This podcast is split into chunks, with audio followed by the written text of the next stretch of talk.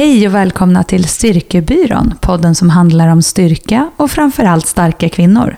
Vi som pratar heter Johanna Barvelid och Klara Fröberg och jobbar som personliga tränare och med kommunikation. Idag ska vi prata om att följa ett program. Hur kan du tänka när du följer ett färdigt träningsupplägg?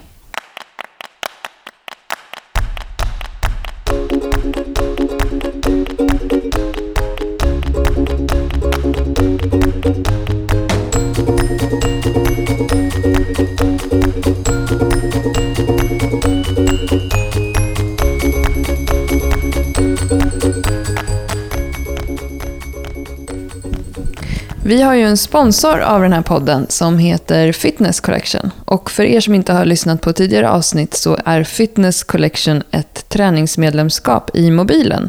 Där man kan träna massor av olika klasser på över 60 olika träningsstudios i Stockholm.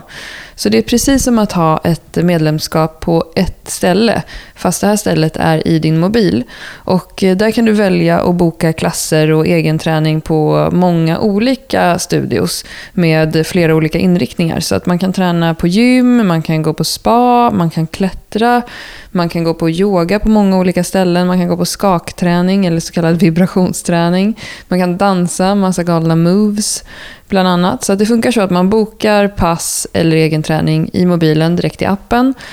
Och sen så loggar man in i appen när man är på plats på studion eh, och ska köra sin egen träning. Och ofta så loggas man in automatiskt via beacons, alltså via bluetooth. Ehm, och eh, ja, den senaste veckan sen vi poddade sist så har jag kört eh, bland annat kampsportsfys på ett ställe som heter Kampsportsstadion i Stockholm tillsammans med vår kompis Lovisa. Hur var det, Klara? Ja, men det var helt bananas.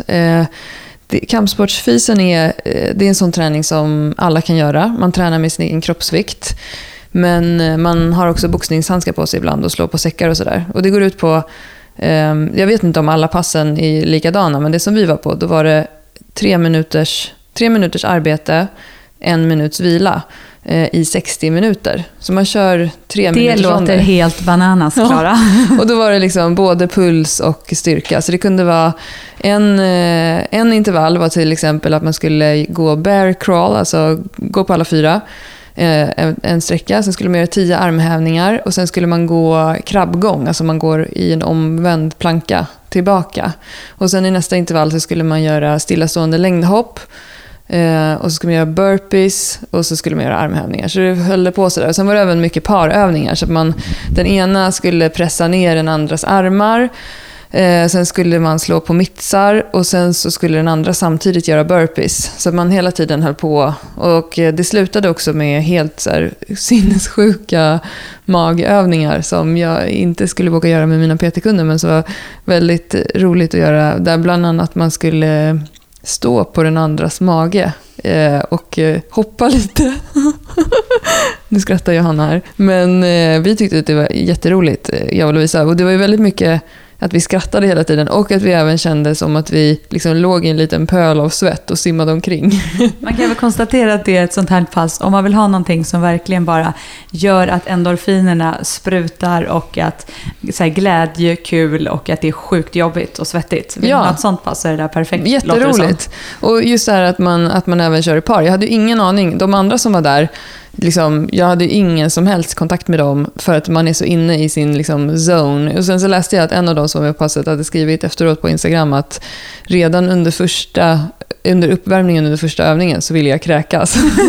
och jag kände så här, att jag var sist in i gruppen, trodde jag. Och jag trodde att det här var liksom ett gäng som brukar köra ihop. Så jag försökte också vara så extra tuff och häftig under hela passet och bara körde så extra hårt. Och sen hade Lovisa sagt till mig att det bara var 45 minuter. Ja, det var det inte nej. Nej, utan det var 60 minuter. Ah. Så att när de eh, 45 minuterna gått, jag bara yes. Då bara, nej, då var det ju liksom fem övningar kvar. Eller vad du sa ju, jag skickade ju till dig så här, hur var det? Mm. När du, du, du, då, jag fick ju bara tillbaka, skitkul, skitjobbigt. Ja. det var det punkt. Ja. Det var liksom ingen diskussion. Ja, men det var verkligen roligt. Så jag ska faktiskt gå på det eh, nu i veckan igen. Ah, eh, och, och, du har ju tränat på också som fasen. Den, jag, de, nästan de enda uppdateringarna jag har fått av dig senaste veckan handlat om att du har tränat, ja. Johanna.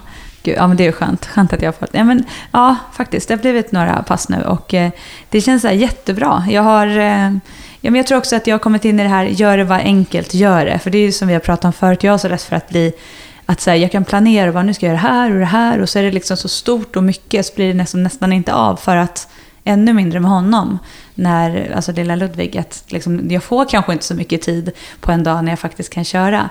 Eh, så jag har nog blivit duktigare på att ta sig tillvara på små tillfällen. Och då blir det ju mycket enklare att få till träningen. Så till exempel i, eh, här i helgen nu så eh, var Anton ute och sprang och så var jag inne hos grannen och drack kaffe och så, var, så, så, så jag bara, nu ska jag i alla fall träna när Anton kommer hem. Jag ska köra mitt kettlebellpass som jag hade bestämt. Och då var han så här, äh, pappan där också, han bara, jag hänger på. Så då var det så här perfekt, för då visste jag att nu hängde någon på och nu kan jag inte banga. Och så körde vi äh, så här 25 minuter med kettlebell och egna kropps, liksom, kroppen ute på framsidan på våra terrassbar och på asfalten. Och det var så skönt, för det var ju, jag hade, var helt slut efteråt och jag hade träningsverk och det var han också. Vi körde bara med olika vikter. Eh, och det gick förbi massor med människor och bara, åh gud vad kul det här, det här ser ut och vi vill också köra ungefär. Och då kände jag så här, gud det är så lyxigt när, man, när det får gå förbi folk när det känns som att jag har varit den som gått förbi alla den senaste tiden. Så nu kände jag så här, fasen vad skönt att komma igång. Och, eh, och det gick så fort och då kunde jag Anton bara, då bar jag han runt på Ludvig liksom. Så han stod ju typ och hejade på oss med Ludvig. Så nej, det känns jättebra och så har jag provat liksom och idag så var jag tvungen att prova att så här, köra lite lyxstolpe-jogg emellan lyktstolparna. Nu, nu pratar vi typ fem minuter, så det, jag har inte börjat direkt springa kan jag inte säga. Men jag var tvungen att testa lite hur det kändes. Ja, men, eh, jag, jag tycker att du ska äh, klappa dig själv på ryggen. På ryggen? ja, du är duktig. Nej, men jag ja. menar, du är igång hela tiden, men jag tror inte du ser dig själv för att du är liksom inne i det här eh, babyträsket. Ja, men det kanske är så. Jag tror att också för mig är det så mycket det här, träning för mig är att gå till gymmet. För det har nästan alltid varit så. Och dra så. i det tunga ja, stålet. Dra svärdet ur stenen. Ja, precis. Men eh, jag känner ju också vilken energi och jag känner ju så här kroppsligt också att jag får träna.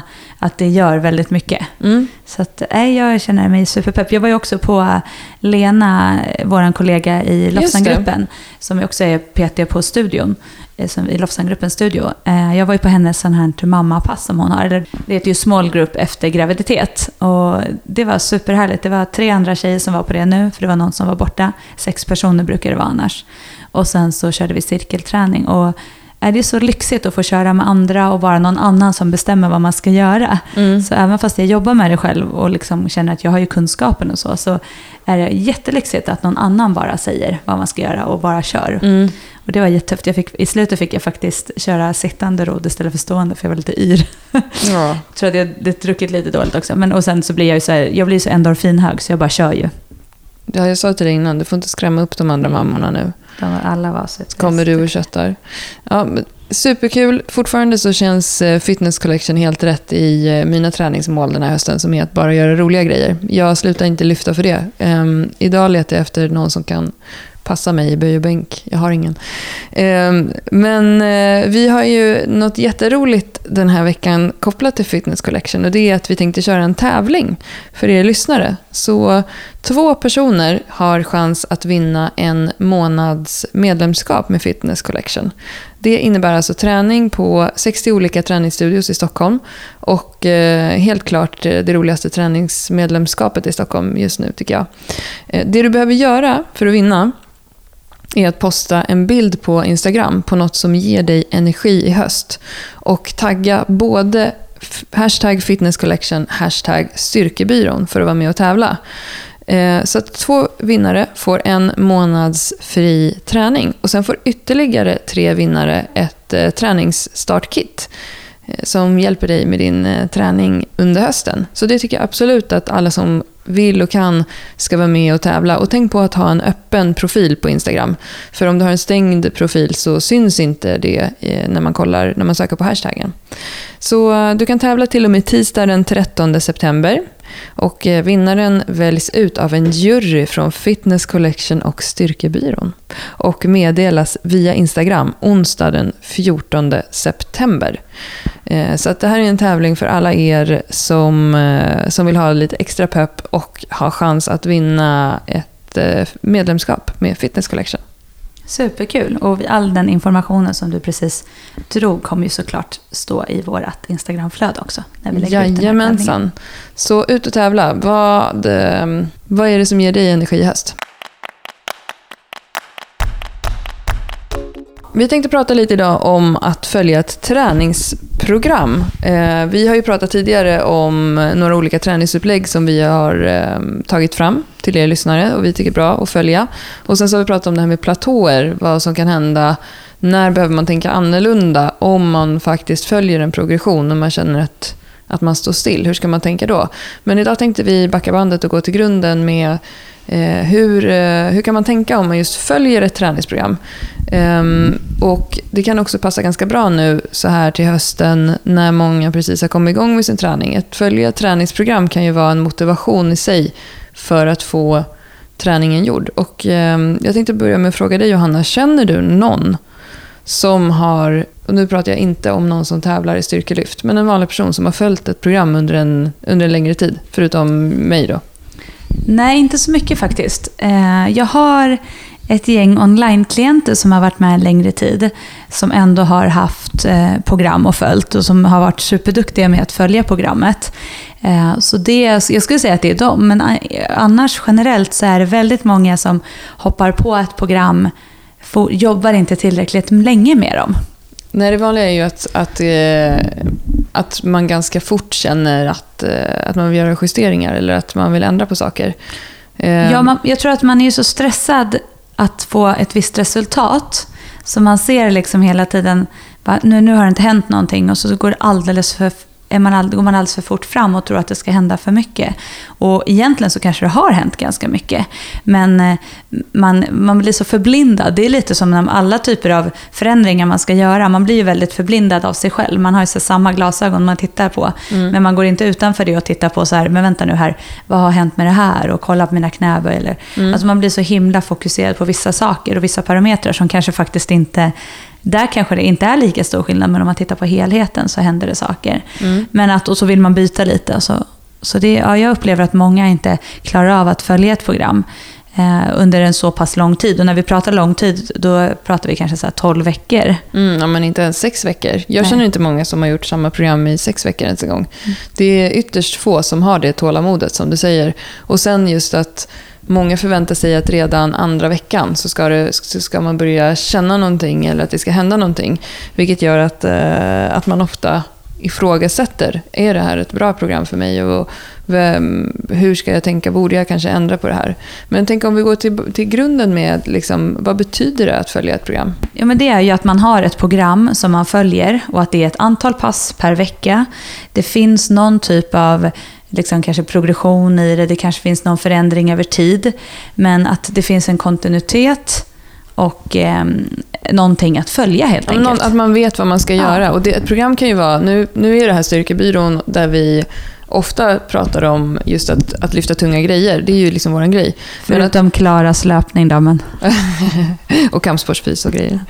Eh, men eh, det kan ju också, att följa ett program kan ju vara ett löparprogram. Det kan vara ett simprogram. Det, kan vara, det finns också klätterprogram. Jag som har börjat klättra lite på sistone. Det finns program för hur du kan förbättra ditt grepp, som är ett upplägg för ett antal veckor, där du ska hänga på olika sätt i fingertopparna och sådär. Så att det, det behöver alltså inte vara när vi menar att följa ett program så behöver det inte vara eh, att man följer just stronglifts eller någonting. Men det är ju lite åt det hållet vi lutar när vi, när vi pratar om det idag. Jag upplever nog faktiskt att flera, när du säger det så, finns det andra program än styrkeprogrammeringar att följa? Nej, då. Nej men när du säger så, då skulle jag nog ändå säga att många, eller flera som jag känner, har lättare för att följa löpprogram mm. än de har att följa ett styrkeprogram.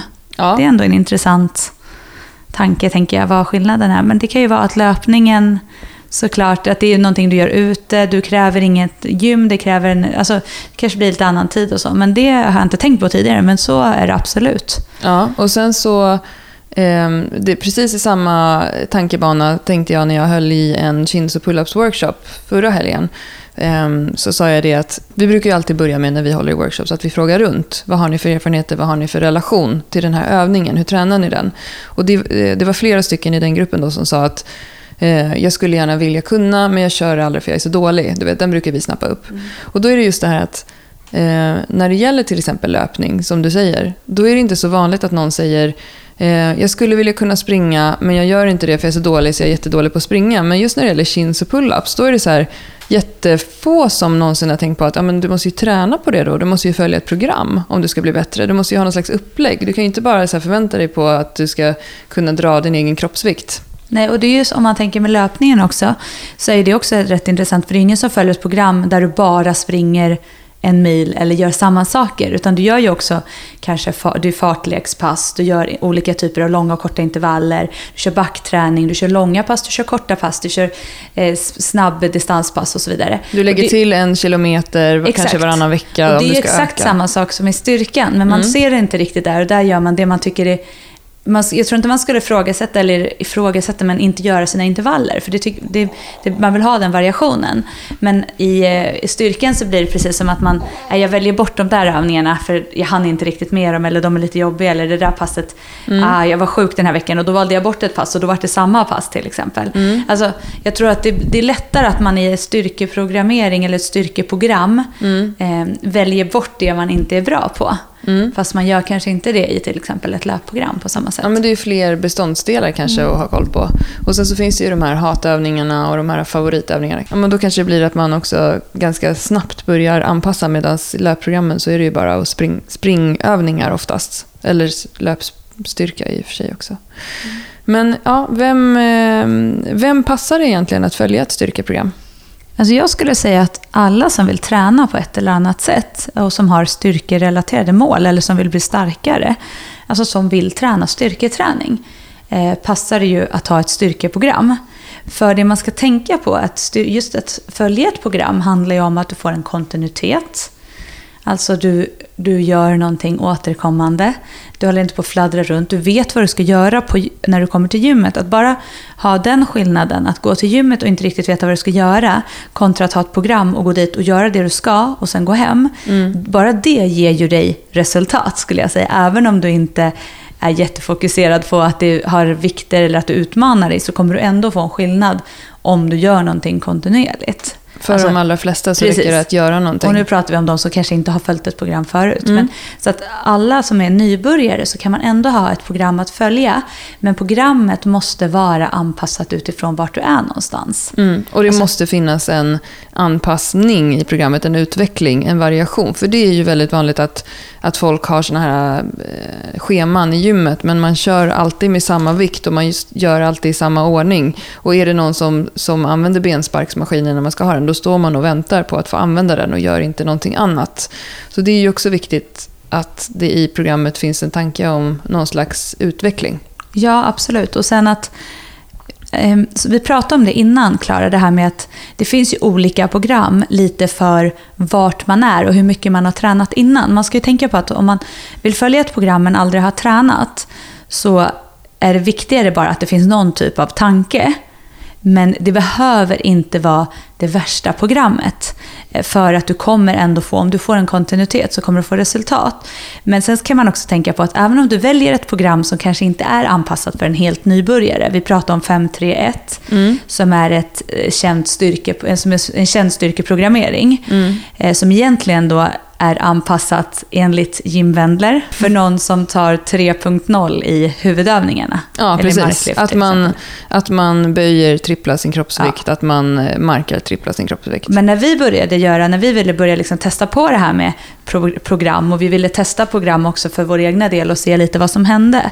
Eh, då testade vi 531 mm. och för oss, vi fick ju en skillnad. Alltså, vi fick ju en ökning i våra huvudövningar. Mm. Men det vi sa och pratade om innan då, att det handlar ju faktiskt om att vi gjorde våra övningar, vi gjorde våra eh, program varje, eller dagar varje vecka som vi tränade mm. och följde någonting. Och det var ju det som gjorde skillnaden för oss. Sen är det klart att en person som då har kommit längre i sin styrketräning eh, och sitt lyftande kommer ju förmodligen få ännu bättre resultat i ett sånt program. Mm. Och den är ännu mer anpassad. Men vi gjorde det utifrån våra vikter och våra förutsättningar och fick en, ändå en förändring. Ja, och om man pratar om just 531 så finns det, det finns de som kritiserar det programmet just för att det är få sätt att få reps. Man gör en femma Alltså i den veckan där det är 5-3-1 som därav namnet, då gör man en femma, en trea, en etta. Alltså man, man bygger upp sitt max. Eh, och det är ju ganska lite eh, arbetssätt. Sen så är ju volymen, alltså arbetsvikten, om du tänker hur många kilo du lyfter för någon som drar tre gånger sin kroppsvikt och någon som, när vi började, då kanske jag låg på 70 kilo i mark. Det är ju en extremt stor skillnad i hur många kilo det blir. Och det är det man också måste tänka på när man väljer ett träningsprogram. Så som du säger, just det programmet är ju ett, egentligen det är ju ett platåprogram som är till för avancerade lyftare när de står still. Att man går upp och bara gör liksom väldigt få set och reps och bara lyfter progressivt. Man gör inte tio treor, man gör några stycken. Ehm, men, men precis som du säger, vi hade aldrig följt någonting förut och är man en nybörjare så kommer du ha en jättefin ökning vad du än gör. Det finns ju också mycket forskning som visar att eh, träning för nybörjare, eh, där kommer du ha en progression även om du går och, och gör 20 reps på, per ja. övning. Så, att, så att, det är ju, att följa ett program tycker jag att kanske i början, om man ska börja följa ett program om man är nybörjare, mm. då tänker jag att det kanske är lite fokus också på vad är lite roligt. Mm. Alltså är det kul det här programmet? Tycker jag att det här är spännande att gå till gymmet och göra de här repetitionerna? Eller liksom känner jag att jag blir driven av det? Eller blir det för mycket? Mm. Eh, för det är ju fortfarande kontinuiteten du vill åt när du följer ett program. Det är ju det som blir det viktiga för många nybörjare. Har du hållit på ett tag och faktiskt följt ett program, eller att du kanske har du kanske inte har följt ett program men du har lyft ett tag, alltså mm. jobbat mycket med styrketräning. Eh, så kommer du få en annat resultat eller en annan liksom, utgång av det. Mm. Men då kanske det blir ännu viktigare eh, att Alltså att du får något annorlunda mot vad du har gjort ja. tidigare. Har du gjort väldigt många repetitioner så kanske det passar dig att göra det här. Även fast det inte är perfekt för dig. Så det finns ju många olika, vad ska man säga? Aspekter. Aspekter. Ja, precis. Och det är samma sak som det här med viloveckor som oftast står med i program. Eh, det står att du ska ha en vilovecka var sjätte vecka eller var fjärde vecka. Det här är ju helt klart det här är ju någonting som du behöver individanpassa, även om det står i programmet. För du måste ju känna efter vad som funkar i din kropp. Och det finns ju, det har vi pratat om förut i podden, det finns ett sätt att träna som man använder om, inom eh, vissa sporter idag, där man säger att man eh, tränar by fitness factor. Och det är att det finns ett visst antal frågor som atleten får svara på när den kommer till träningspasset. Hur har du sovit? Hur har du ätit? Hur mår du? Känns det som en eh, maxrepdag eller känns det som en eh, 12-repsdag? Och så svarar atleten, men då måste man också kunna svara. Det måste ju vara en viss person som kan svara på det. Och så kanske den säger så här, fan idag är jag stark, eh, ska jag maxa? Eller, nej jag har sovit lite dåligt, eh, jag vill ta det lite lugnare. Och så tränar man efter dagsform hela tiden. Och det här får man tydligen väldigt fina resultat av. Och det här är ju så här, där kan jag se, vissa PT-kunder jag har, de måste jag bromsa de, eh, de kanske har en tendens att skada sig snarare. För de skulle aldrig kunna svara på det där. Utan de är mer så här, ja, men jag, ska ju, jag ska ju göra maxlyft idag. Då gör jag det. Även om barnen stökade i natt, jag hade en skita på jobbet och jag cyklade tre mil igår. Ja, men det står ju på mitt papper att jag ska göra tre tunga femmor idag. Och så gör de det. Ehm, de skulle inte kunna svara på, på de där frågorna ärligt. Du måste ju också kunna känna din kropp. Men självklart så får du ju ett jättefint resultat om du tränar exakt efter din kropps förutsättningar varje gång. Ja, men och sen det där är ju också ganska intressant för att dels så är det ju krävs det ju att du har hållit på ett tag för att, som du säger, kunna utvärdera hur din dagsform är. Mm. Eh, och har du ett program då som du vet att ja, men, idag kanske jag ska köra den, den där dagen, alltså den här veckans mm. benpass för att det är inte lika mycket repetitioner, det ska inte vara lika tungt och så vidare. Mm. Eh, samtidigt så är det ju också någonting som du nämnde det här med att cykla tre mil igår.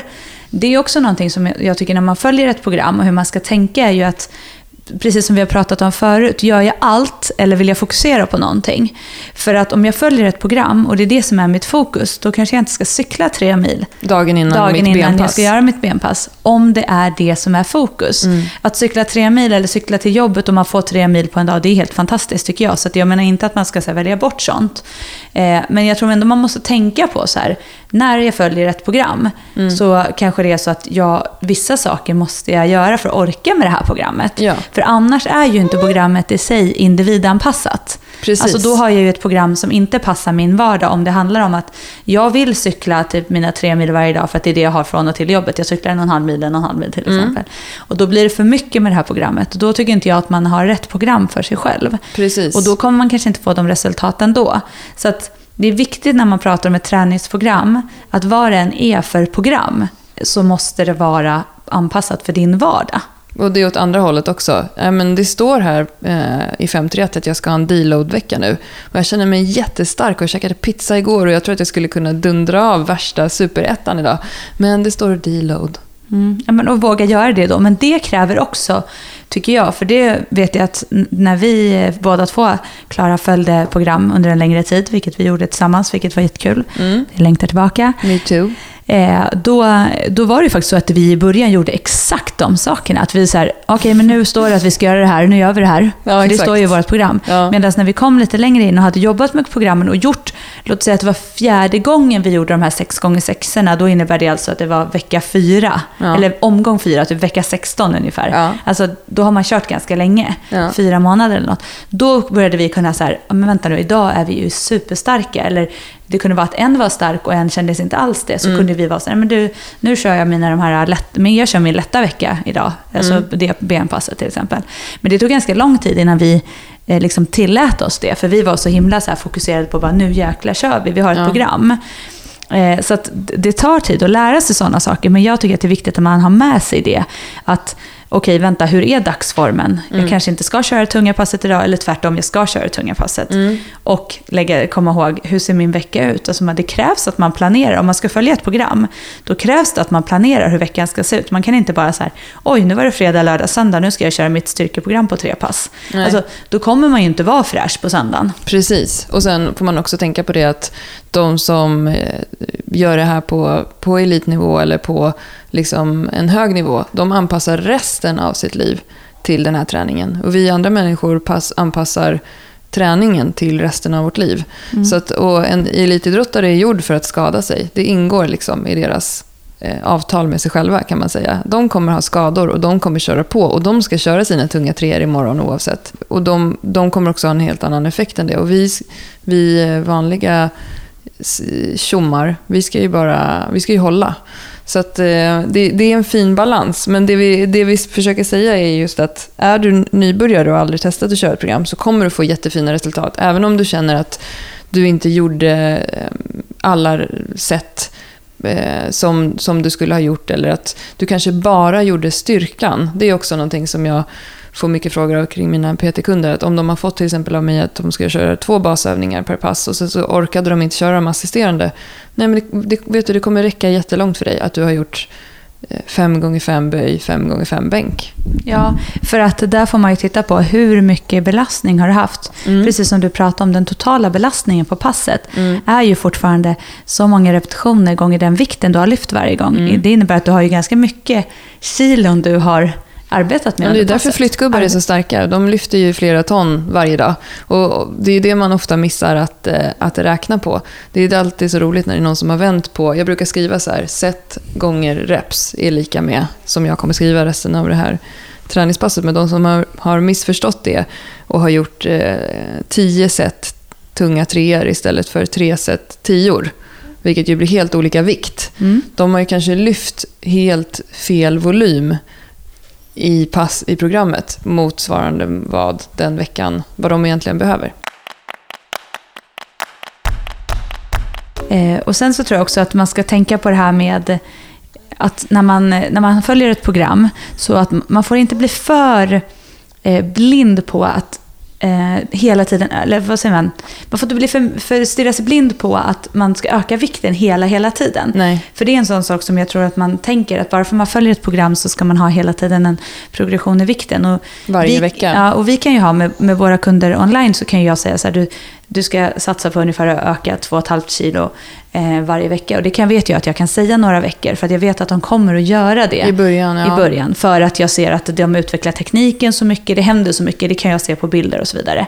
Och filmer. Men man ska tänka på att det är inte så att det är något normalt hela tiden, att det hela tiden ska vara en ökning. Utan det handlar faktiskt också för väldigt många, och jag skulle säga generellt för de flesta vi träffar, att man fokuserar på teknik. Att man ser att tekniken blir bättre. Det vill säga att jag har jobbat med mina böj nu kanske, vi har jobbat med program i sex veckor. Mm. Och helt plötsligt så börjar jag känna att så här, nu, nu sitter jag ju där nere där jag vill sitta i mina knäböj. Jag har ett fint djup, en rygg som faktiskt håller väldigt bra. Jag gör inga brytböj och så vidare till exempel. Men jag har inte ökat vikten så mycket. Mm. Men därifrån sen så kommer du kunna börja öka vikten. Så att jag tror man måste också titta på vad är, det, vad, är, vad är mitt utgångsläge, vad är viktigt för mig? Är det att öka 2,5 kilo varje vecka eller är det att faktiskt kunna sitta djupare? Är det att fokusera på att få en bättre böj till exempel? Mm. Mm. Jag Så- hade ju en period när vi körde vårat, det här, du och jag, är, vi är de enda jag känner som har kört i sex månader ett program, men ändå ökat hela tiden. Men då hade jag ju en period där jag bara ökade i alla assisterande övningar. Så Ja. jag blev sjukt stark i chins, armhävningar, viktade armhävningar, dips, allting annat utom själva basövningarna. Det är roligt. Och det kommer jag ihåg, du sa så här, finns det ingen tävling i assisterande övningar? Assist-SM. Ja men så var det ju. Jag kommer ihåg när vi körde det. När jag körde liksom ganska mycket tyngre i själva basövningen. Men sen när vi kom till assisterande så var ju du den som körde på och körde tyngre än vad jag gjorde. Så det är verkligen så här, det är, ja, det är ganska intressant tycker jag. Du är ju också en mångrepsare Klara. Ja, jag vet, jag vill ju inte vara det. Jag vill ju vara eh, kraft, eh, kraftklara. Ja, men du, det, det är ju jätte, det är faktiskt, jag tycker det är, det är ganska coolt att se att du kan göra så extremt många reps på en vikt väldigt nära ditt max. Medan för mig är det ju, när jag gör mina mångreps, då har jag ganska långt, eller långt kvar Ja. till, till mitt max. Alltså jag Mm. kan liksom, och det, är ju, det ska man också tänka på. att att jag skulle säga, det finns, jag vet inte om det finns någon forskning som visar det, men jag tror att, man, att det finns någonting som visar det. Jag lägger lite parentes runt det, men att tjejer är max eller reps starkare än killar. Alltså, Ja. Tjejer har lättare för att göra väldigt mycket repetitioner, att vi är uthålligare personer. Mm. Eh, och att det då skulle grunda sig i våran, eh, våran historia om hur vi har betett oss i början av våra liv, tänkte jag säga. Ja, men det är jättetydligt. I, i Ja. bänken till exempel. Du, du skulle inte kunna göra femmor fem kilo från ditt max. Nej, Men jag kan göra det. men och det innebär att jag är mer kille än, än kvinna. Ja. Det men, men jag har längre ringfinger än pekfinger. Har du det? Eh, Gud, vad är det här nu? Nej. Ja, det har du också. Det visar att man har mycket testosteron. Ja. Och är tydligen en sån här. Man, man kan också ha em, ADHD. Ja. det. Skönt. Ja. Ja. Och vara lite allmänt Ja. knäpp. Men, men eh, jag tycker inte att det där är så kul. Men, och jag har ju ofta tänkt så här, men är det psykiskt för min del? Är det psykiskt att jag inte kan eh, pressa upp skivstången, men att jag kan stå och göra femmor, eh, fem kilo från mitt max i bänk? Eh, eller är det, är det min genetik? Och jag har kommit fram till att jag tror att det är min genetik. Jag har ju kommit fram till så här, så här snabbt kommer jag alltid kunna springa milen, även om jag inte tränar. Så här snabbt, jag kan alltid dra jag kommer alltid kunna dra över 100 kilo i mark. Jag kommer alltid kunna böja så här mycket utan att träna. Det här är liksom min kropp. Men sen det där lilla extra som du ju har, som då kan pressa upp skiv, skiv- skivstången 20 kilo till. Det är ju helt omöjligt för Men mig. samtidigt kan inte jag ligga på de repsen som du gör så nära. Nej men det är ju jättekonstigt. Men det, men fast, ja, eller så är det bara så det är. Att man har ju olika, vi pratade ju om det när vi pratade om muskler. Vadå, är folk olika Johanna? Nej, Fan! det här tänker jag inte acceptera. Nej, Same same but different. Nej men, eh, nej men det tycker jag det är viktigt att ha med sig. Och just Ja. det här med att, Absolut. att eh, generellt och många, många kunder som vi har också, som vi Ja. träffar klienter, att de klarar att göra väldigt mycket mer repetitioner eh, nära sitt max. Mm. Och att det är därför inte alltid är så optimalt att jobba med max eller Det har ju vi pratat om tidigare. Ja, tidigare Och det här med avsnitt. procent. För det, om många träningsprogram är ju skrivna i procent. Att det står du ska ha 80%, du ska ha 70%. Men är du nybörjare, och jag tror att just Jim Bendler har sagt att du ska ha gjort 10 000 marklyft innan du kan börja veta ditt, ditt max. Och Ja. då, då kan det vara jätte... Då är det liksom ingen mening tycker jag att stirra på vad är mina 80%? För att jag vet inte det. Du kommer ha en jättefin styrkeökning i början ändå. Och då brukar jag säga till mina kunder, eh, eftersträva istället att duplicera dina lyft och att göra så fina repetitioner som möjligt. Så att om du ska göra 5 gånger 5 att du ska ha en fin teknik och göra alla femmor likadant så tungt du kan med fin teknik utan att det blir en annan övning. Där ska du ligga och jobba, för du kommer ändå ha en jättefin styrkeutveckling. Jag brukar jobba när jag har procenttal, eller man ska då, för mig handlar det mer om, jag brukar ge mina kunder en indikation på hur de kan tänka med eh, repsen. Alltså, Mm. eller det vill säga om jag, om jag ska göra 6 gånger 6 och så nästa vecka ska jag göra eh, sju Gånger fem. sju gånger fem, eh, då, då vill jag visa på ungefär procenten att man ska förstå att den där veckan ska vara lite tyngre. Alltså Just så. det. Men då brukar jag skriva att jag tänker att du skulle klara att göra två eller tre till repetitioner på den här veckan. Mm. Och på den här veckan, nästa vecka ska du kunna göra två repetitioner till utan problem. Och på den här ska du inte ha något problem med att göra en. Alltså så att Mm. Och sen när man, har förstår kört, skillnaden. om man har kört en cykel av Ja. 5 gånger 5 det vill säga att man gör fem reps, fem set. Eh, och jag kanske gjorde det i knäböj 5x5 på 40 kilo den här veckan. Men då kanske jag nästa gång jag kommer eh, till 5x5, då kanske jag ska försöka göra dem på 42,5. Och då behöver, det inte vara så, behöver man inte tänka så mycket Nej. mer på det. Men det, är ju, det där är ju också en sån sak som är viktigt om man tänker att om man har någon som hjälper en och kan komma Mm. med feedback, då är det en annan sak. Men när man helt själv och ska köra ett program, då kanske man inte ska, när man inte riktigt kan, eh, när man inte kan eh, eh, liksom skapa en en, individu- en individualisering av programmet till sig själv, Mm. då tycker jag att man ska vara lite försiktig med procentsatser och sånt. Men har man hjälp av någon som kan liksom, ge det liksom så här, det här gäller för vet. dig. Ja, men Ja. precis. Då är det ju en annan sak. Eh, men annars så tycker jag som du säger, att det, det har vi pratat om tidigare också, att det räcker att jobba med till exempel 5x5 eh, under en längre tid. Och sen som en annan jätteviktig sak är också att när, när vad utgår du ifrån? När gjorde du ditt maxlyft? Det är ju inte så som när man frågar killar eh, Vad de tar ur bänk. Ja, för de pratar ju om, då menar de vad de gjorde när de mönstrade i lumpen. Ja, ja, ja. Man tar ju Fast- alltid när man var starkast. Fast de är 42 idag. Liksom. Så att du måste också tänka när, hur länge är det här preskriberat? Och jag tycker att det är så här, det är preskriberat nu. Alltså jag tycker inte att jag tar det som jag gjorde i bänk eh, nu mot i våras. För jag har inte testat. Och jag har inte bänkat lika mycket som jag gjorde i våras. Så Nej. att då, då får jag köra så tungt jag kan med en fin teknik istället för att utgå ifrån ett max som jag kanske inte har. Absolut, och det är som sagt, det krävs att du har gjort, jobbat ett tag för att också kunna känna att du, att du ska göra maxningar. Mm. Men sen tycker jag också att det är ett jättebra sätt att mäta det, för det är bra att kunna mäta. Det är det som är, det är, det som är lite det kluriga med att följa ett program. Mm. Precis det här som vi sa, att, att om man ska orka följa ett program väldigt länge, som vi tycker att man ska göra, då, om man vill ha resultat, så annars Mm. får man göra precis som man vill. Men då handlar det också om att man måste känna att man kan pricka av saker, alltså att, man, att det händer någonting, att man får känna att man får en avstämning, att Mm. man blir starkare till exempel. Då. Och då tycker jag ändå att det kan vara ganska bra att veta, så här, men även om man inte har gjort ett maxlyft så kanske man har gjort en, att man ser till att skriva upp, så här, jag gjorde en 5 gånger 5 på den här vikten Mm. när jag började med bra teknik. Och sen efter typ, vi säger nu då, två månader så gör man samma sak. Mm. Då kan man antingen testa hur det känns att göra med den vikten, eller så gör man en exakt samma sak fast man tar den vikten som känns bra då.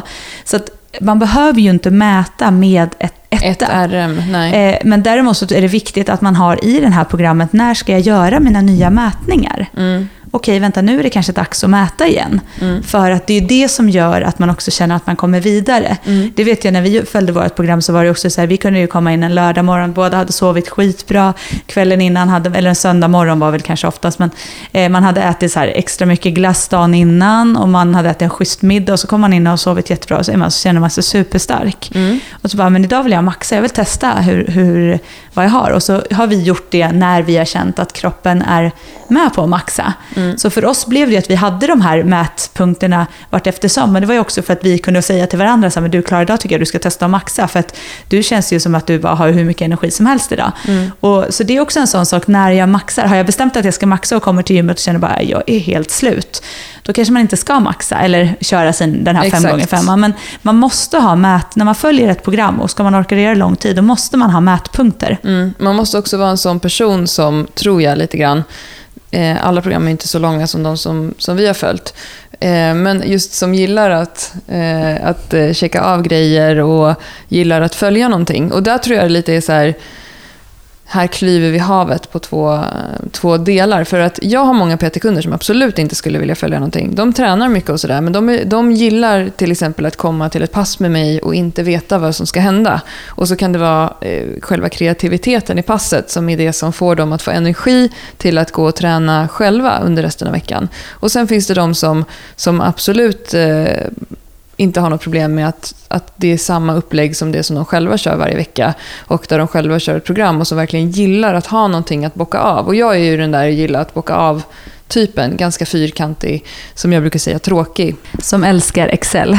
Jag berättade för någon av de andra coacherna i studion att du och jag har ett eh, gemensamt eh, träningsupplägg som vi ger till våra onlinekunder där vi bland annat har ett pass där, där man avslutar med 100 tunga svingar. Och de bara, men gud, det är ju jättetråkigt. Och jag bara, varför då? Get things done. Alltså, det är väl jättebra. 100 svingar borde ju alla göra då och då. Ja, men vi pratade, apropå det, så vi har ju pratat om det här med vad rolig träning är. För att Ja. du, du har ju ändå som mål nu att göra saker som är roligt. Och Mm. för dig är det ju då, då testar du lite olika här, saker, sporter och sånt. Mm. Eh, och nu har du möjlighet att testa massor med olika via Fitness Collection. Men, men det är också det här att, att göra roliga saker. Vi är ju väldigt lika där. Att för mig är det så här, nej det kanske inte är skitroligt att gå till gymmet och köra det här passet som någon har skrivit. För jag vet att det är så jäkla jobbigt. Mm. Men jag vet att det är det som kommer göra resultatet. Mm. Så det är ju lite det här att... Hur mycket vill jag ha det där resultatet? Ja, och hur mycket vill jag följa ett program som är bra för mig eller vill jag följa någonting för att det är roligt? Det är ju olika saker. Ja. Och jag är så här, nej allt kanske inte är roligt. Det är skittråkigt att ligga i rumpaktivering i en kvart innan min, mitt marklyft. Men jag vet att om jag gör det Mm. så kommer jag få bättre, bättre mm, kontakt i marklyft, jag får bättre resultat, jag kommer orka mer. Alltså, Och du vill egentligen, det du verkligen vill är att lyfta mer. ja, så jag tror att man måste ibland tänka så här, det här med roligt. Alltså allt är inte roligt. Men där tror jag ofta att det är de här som, som tänker så här, men jag borde följa något, jag tror att det är bra. Ja. Då har man inte riktigt rätt motivation heller. För man måste ändå vara en sån person som, eh, som får en liten, eh, ett litet fladder i hjärtat av glädje när eh, stången går upp. Ja, och jag tror, att, jag tror man måste gilla att mäta saker. Man måste, Mm. alltså, man måste, man, för att kunna följa ett program ordentligt länge, eller liksom för att verkligen kunna utvärdera det, Mm. så måste man vara lite så här äh, fyrkantig, tror jag. Mm. Eh, och, och det är nog många som tänker, precis som du säger Klara, att man vill följa något för det borde man göra, för att det är många som följer program. Mm. Eh, men man kommer inte lyckas om man inte har motivationen och glädjen i det som Att man får fullfölja. resultatet. För det är lite som att när, när man kommer till de här passen och ska till exempel då testa sina resultat. Mm. Det är de passen någonstans tror jag som för mig är i alla fall så, är det drivande. Att jag, jag drivs ju av att få stå där framme och göra de här lyften. Alltså för Mm. mig var det ju så här, när jag följde programmet, nu blev jag gravid, det vart lite avbrott, bräck i min satsning som jag ändå inledde. Eh, men det var ju hela tiden, när, varje gång jag tyckte ett pass var tråkigt, för det fanns det gott om tråkiga pass. Eh, jag tyckte att vissa övningar är skittråkiga. Men jag visste att om jag gör det här nu, så kommer jag stå framme där i SM i styrkelyft och göra, tänka så här, alltså nu står jag här och jag kommer göra mina bästa lyft för att jag har gjort den resan jag ska göra. Mm. Eh, Så att man måste verkligen vilja känna att så här, men när jag står där framme då ska jag säga så här, jag har gjort allt jag kan för att komma hit. Mm. Eh, Och det är klart att det är överdrivet om du ska tävla eller om du ska göra något sånt så är det klart att då blir det en skillnad. Men man måste ändå ha lite den känslan att alla pass kanske inte är roliga men jag vill tillräckligt mycket fram dit för att jag ska göra det. Ja, och det, så om man nu måste förtydliga det så kan, vill vi ju även förtydliga att när vi pratar i det här avsnittet om att följa program så menar vi inte att alla måste följa program. Utan nu pratar vi till er som ställer mycket frågor till oss om det här med att följa program. Det behöver du absolut inte göra utan det går alldeles utmärkt att ha en motivation i att bara träna. Eh, och det finns jättemånga, jag känner hur många som helst, som bara tränar. Och som då bara går och gör saker man tycker är kul. Ja. Alltså, det är klart att vissa människor dåligt. de drivs av att det är roligt. Det måste vara roliga övningar. Då kommer man förmodligen inte göra de här tråkiga, inom situationstecken, Mm. övningarna. För att man ser ingen vinning i det. Men då måste, man också, då måste man också komma ihåg det när man kanske inte tycker att man får de resultat man vill ha. Mm. Man kan liksom inte både ge och ta, eller vad säger man? Nej, men det är som det där med jag, jag vill bli bra, jag är här för att gå en workshop. Eh, jag gör aldrig det för att jag är så dålig på det. Mm. Där har du svaret. Nej, och då blir det ju såklart tråkigt också. Men om du skulle eh, träna på det och följa ett, ett upplägg för att bli bättre på chins en period, så kommer du att bli bättre på det. Men du kommer kanske inte tycka att det är roligt då. Men det kan ju vara bra. Jag tycker att alla borde testa någon gång, för det är också eh, ett, ett kul sätt att se vad man är för person med det här. Ehm, när jag säger till vissa av våra kompisar att vi följde ett samma träningsprogram i sex månader så håller de på att svimma för att det är så tråkigt. Medan vi tyckte att det var superskönt. Ehm, och, och sen så eh, bytte vi båda av, av olika skäl, bland annat att, att du blev gravid och att jag blev, eh, kunde tävla i assist-SM och inte i styrke, styrkelyft. Ja. Men, och det är egentligen en till punkt. När ska jag sluta med programmet? Och då finns ju de här nybörjarprogrammen som finns på nätet som är jättebra att ladda ner om man söker på nybörjarprogram, till exempel eh, Stronglifts. Och när ska man då sluta? Jo, men har du kört Stronglifts i kanske fyra månader och sen så hamnar du på en platå, det vill säga jag kan inte göra en tyngre femma då kanske det är dags att byta program. Eh, men det finns ju ingen anledning att avbryta ett program efter två veckor för att du känner att bänken inte går upp, eller ens efter fyra veckor. Ehm, och eh, samma fråga brukar komma också, när ska jag maxa? Och som vi precis pratade om, ja, men när du känner att du har ett behov av det. Men ser du att programmet går framåt så behöver du kanske inte göra det heller. Om det inte är så att du behöver träna på att maxa för att du ska tävla. Nej, för att du har ju egentligen inget behov av att så länge du känner att du ökar varje, eller att, du, att det går framåt i programmet, nu ska jag inte säga, nu höll jag på att säga öka varje vecka, för det behöver du verkligen inte göra.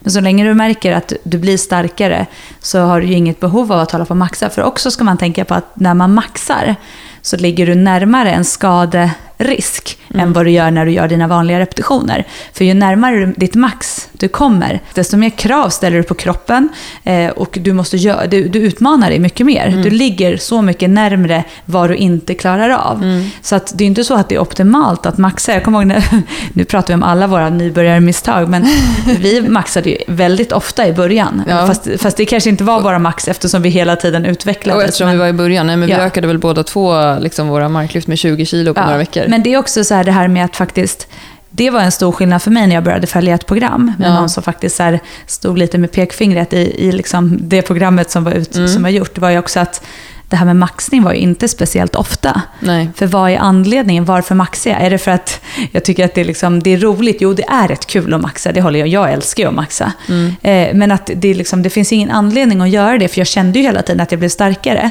Eh, men det är också en viktig sak som jag fick när jag gjorde det programmet, var ju så här, att jag var tvungen att skriva upp vilka vikter jag jobbade på. Mm. Och det tror jag man glömmer bort, att man, man bara kör. Mm. Och så har man kört i, vi säger så här, två månader, tre månader. Mm. Och sen så är det så bara, jag vet det känns inte som det händer något. Och sen bara, fast vänta nu här. Vad började du på? Och så, så har man då skrivit upp det så kan man se ganska tydligt. För jag lovar dig att följer du ett program i tre månader, om det inte är något helt bananas och du gör helt knasiga grejer, så kommer du att få ett resultat. Alltså mm. det kommer att hända grejer. Mm. Men har du inte skrivit upp det så är det så lätt att glömma. Alltså 40-50 kilo eller i knäböj till exempel, eller jag vet inte, 60-70 kilo marklyft. Alltså det är ganska mycket vikt, men mm. man tycker kanske inte det om man inte har skrivit upp. Nej. Så det är också viktigt om du följer ett program, att du antecknar för dig själv. Mm. Vad har jag gjort? Och om du gör det digitalt eller i en... Jag tyckte det är jätteskönt att ha ett så här, en eh, vad heter det, inte digital, ett vanligt anteckningsblock mm. som man typ har med sig i gymmet eller som man skriver i efteråt och bara, bara skriva i. Vad, mm. liksom, vad har jag gjort? Vad har jag gjort för övningar? Och hur kändes det? Kändes ja. det tungt på 40 kilo Exakt. idag? Ja men titta, det kändes lätt på 40 ja, kilo för då är det din utvärdering. Exakt. Men Klara, det är ju inte det är inte så himla lätt att följa ett program alltid heller. För att visst, för oss var det ju också, skulle jag säga, väldigt lätt. För det var det. För att vi hade ju varandra och vi tränade ju alltid i princip tillsammans. Och om vi inte körde tillsammans så försökte vi ändå synka så att vi körde samma pass själva då. Så att, det, så att när vi väl körde så kunde vi köra samma pass och vi så vidare. rapporterade till varandra ja, också? Så vi hade ju varandra extremt mycket. Vilket gjorde också att jag tränade ju inte, även om jag tränade med någon annan så gjorde jag mitt program. Mm. För att då visste jag att sen skulle jag rapportera till dig. Mm. Eh, men det är inte så lätt för alla heller. För det är ju många som pockar på ibland och vill träna och hänga på på det här och hänga på på det här. Eller, ja, precis. Vad säger du om det här med... Jo, men det kan vara svårt. Det finns ju vissa aspekter att ta hänsyn till som kan vara svårt när det gäller just att vilja följa ett program. Och en av de sakerna som du säger, det är det här med kompisar som gör andra saker. Och det kan ju vara att kompisarna just vill eh, cykla tre mil imorgon och det känns jättekul. Men fasiken, jag hade tänkt att köra knäböj imorgon. Eller det här jätteroliga Zumba-passet. Det händer ju dig ofta, Johanna, mm. eh, att du vill gå på det.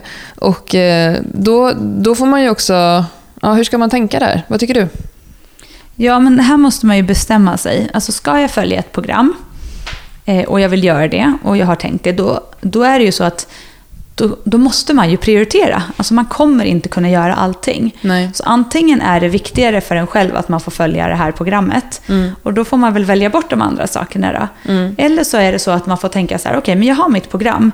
Men jag måste ha utrymme för spontanitet eller träning med kompisar. Och då kan jag inte räkna med lika snabbt Och då resultat. kan jag inte räkna med, precis. Men sen om jag har ett program som innebär att jag ska göra tre pass på gymmet. Mm. Men så gör, det så att, gör jag så att jag gör inte tre pass på gymmet utan att jag gör två pass på gymmet. Och så gör jag det liksom, det tar längre tid. Mm. Klart att det kommer hända saker. Mm. Eh, men jag vill ändå kunna göra det här kompispasset till exempel. Mm. Men jag är ganska noga med mina klienter som, som, eh, som jag coachar, eh, framförallt online då, för det är de som skulle jag säga som som framförallt följer programmeringar på ett annat sätt. Mm. Eh, det är ju att, okej, om du har de här grejerna också, så kan du inte räkna med lika snabba resultat som om du skulle prioritera det här helt och hållet. Mm. För att det kommer göra att du är mer sliten på de passen kanske. Mm. Om du har cyklat de här tre milen eller du har kört något gruppträningspass som inte är baserat på att du vill bli maxstyrkare och bygga mer muskelvolym till exempel. Mm.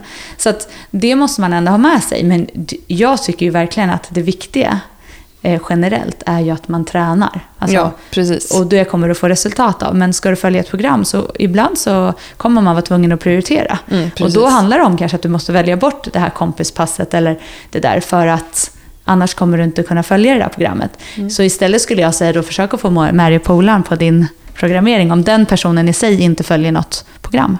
Precis. Så just att tänka lite så här, okej, men jag är inte Usain Bolt. Jag har lite utrymme för att köra lite annat också. Eh, Eller åt andra hållet, nej men jag vill verkligen det här. Ja, Jag, att man, men bara man väljer som man vet och att man ställer krav utifrån det. Precis. Ehm, det kan också vara svårt att få till passen när det blir lite klurigt i ett program. Ehm, och då, då en väldigt vanlig grej som vi ofta hör, det är ju så här, eh, ja, den här veckan har, har jag svårt att få till mina pass. Ska jag köra dubbelt så många nästa vecka då?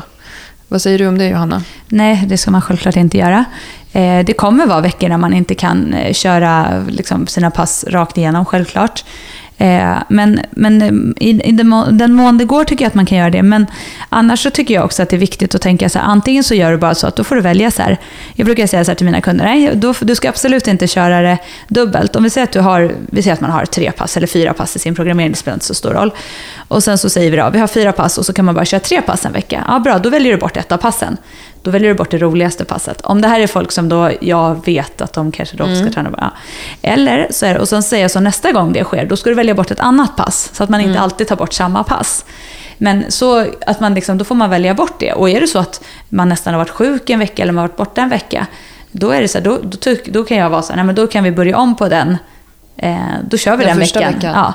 Eh, eller så är vi så, bra, då hoppar vi över den veckan och så går du på nästa vecka och så är det den veckan bara liksom så. Beroende Check. på vad du ligger Det beror till. lite på vad det är för program och vad det är för person och så vidare. Mm. Eh, men Träna aldrig ikapp. nej, precis. För Och det kommer, in. aldrig, nej, och det kommer aldrig bli bättre. Och har man varit sjuk så ska man också tänka på att det är inte samma sak som att vila heller. Mm. Eller att man på något sätt har varit borta från det för att man haft någon skada eller någonting. Jag hade en kund för några veckor sedan som sa jag sov jättedåligt på natten och sen hade jag en jättedålig dag på jobbet så jag blev ingen träning igår. Så då körde jag två pass idag istället. Mm. Vad tycker du om den lösningen Johanna? No comments. De som tycker att det är för lite spontanitet, där kan man tycka att det är lite knepigt då att följa ett program. Och det handlar ju om de här aspekterna som vi pratade om innan.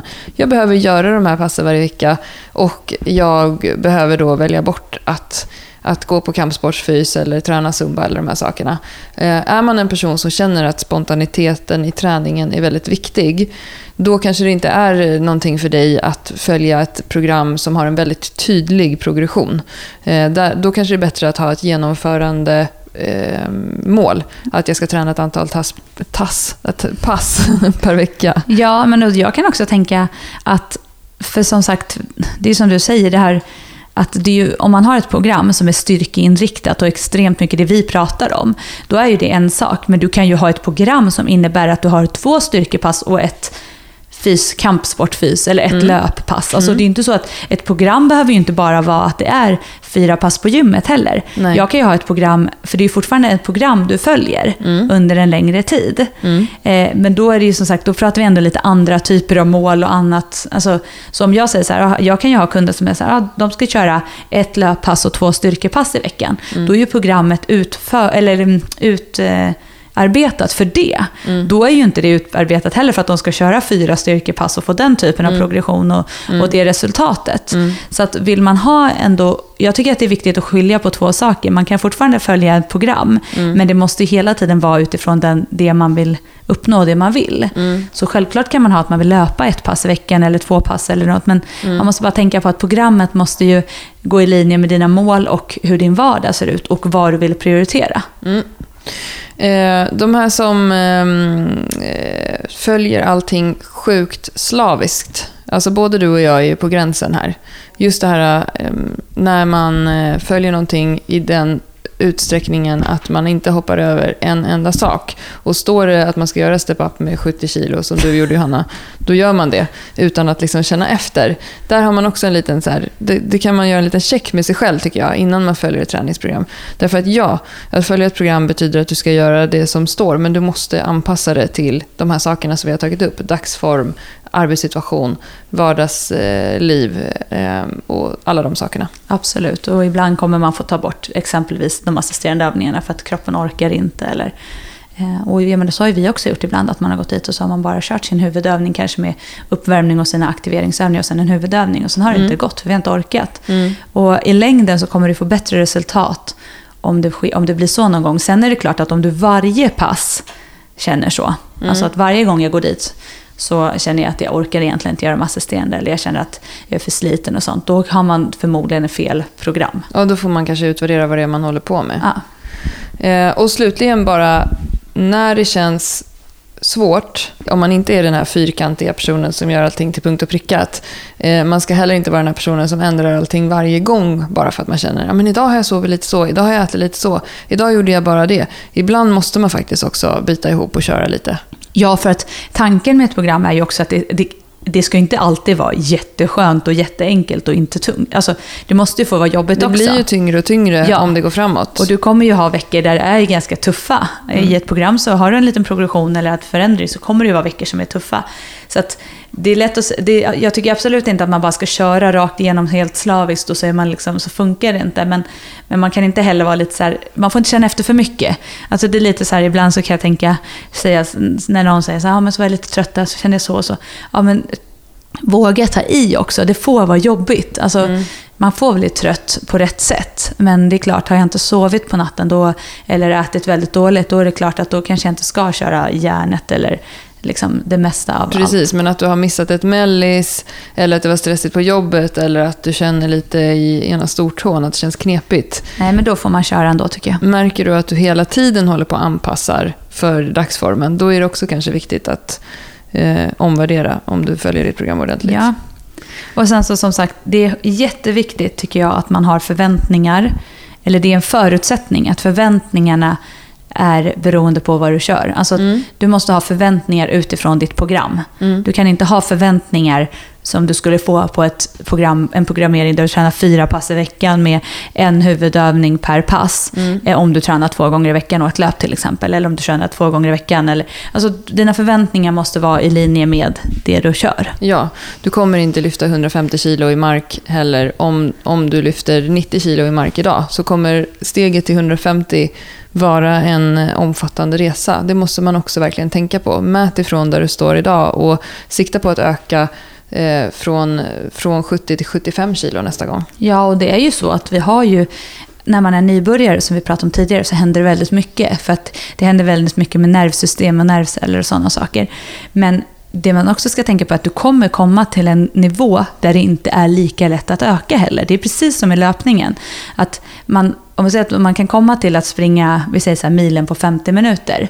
Men sen när du ska ner och springa på 45, då, de där fem minuterna är ganska stor skillnad mot att ändra till, från mellan kanske 55 och 60. Mm. Eller från 75 till 80. Alltså, mm. Det måste man tänka på, att, att den skillnaden blir ju också, det blir tuffare att öka ju starkare du blir. Och det blir fler kilo på stången och per pass varje pass också, som också sliter på kroppen mera. Ja, härligt. ja. ja. Ska vi ta avrunda det här då? Ja, men jag tror det. Ja.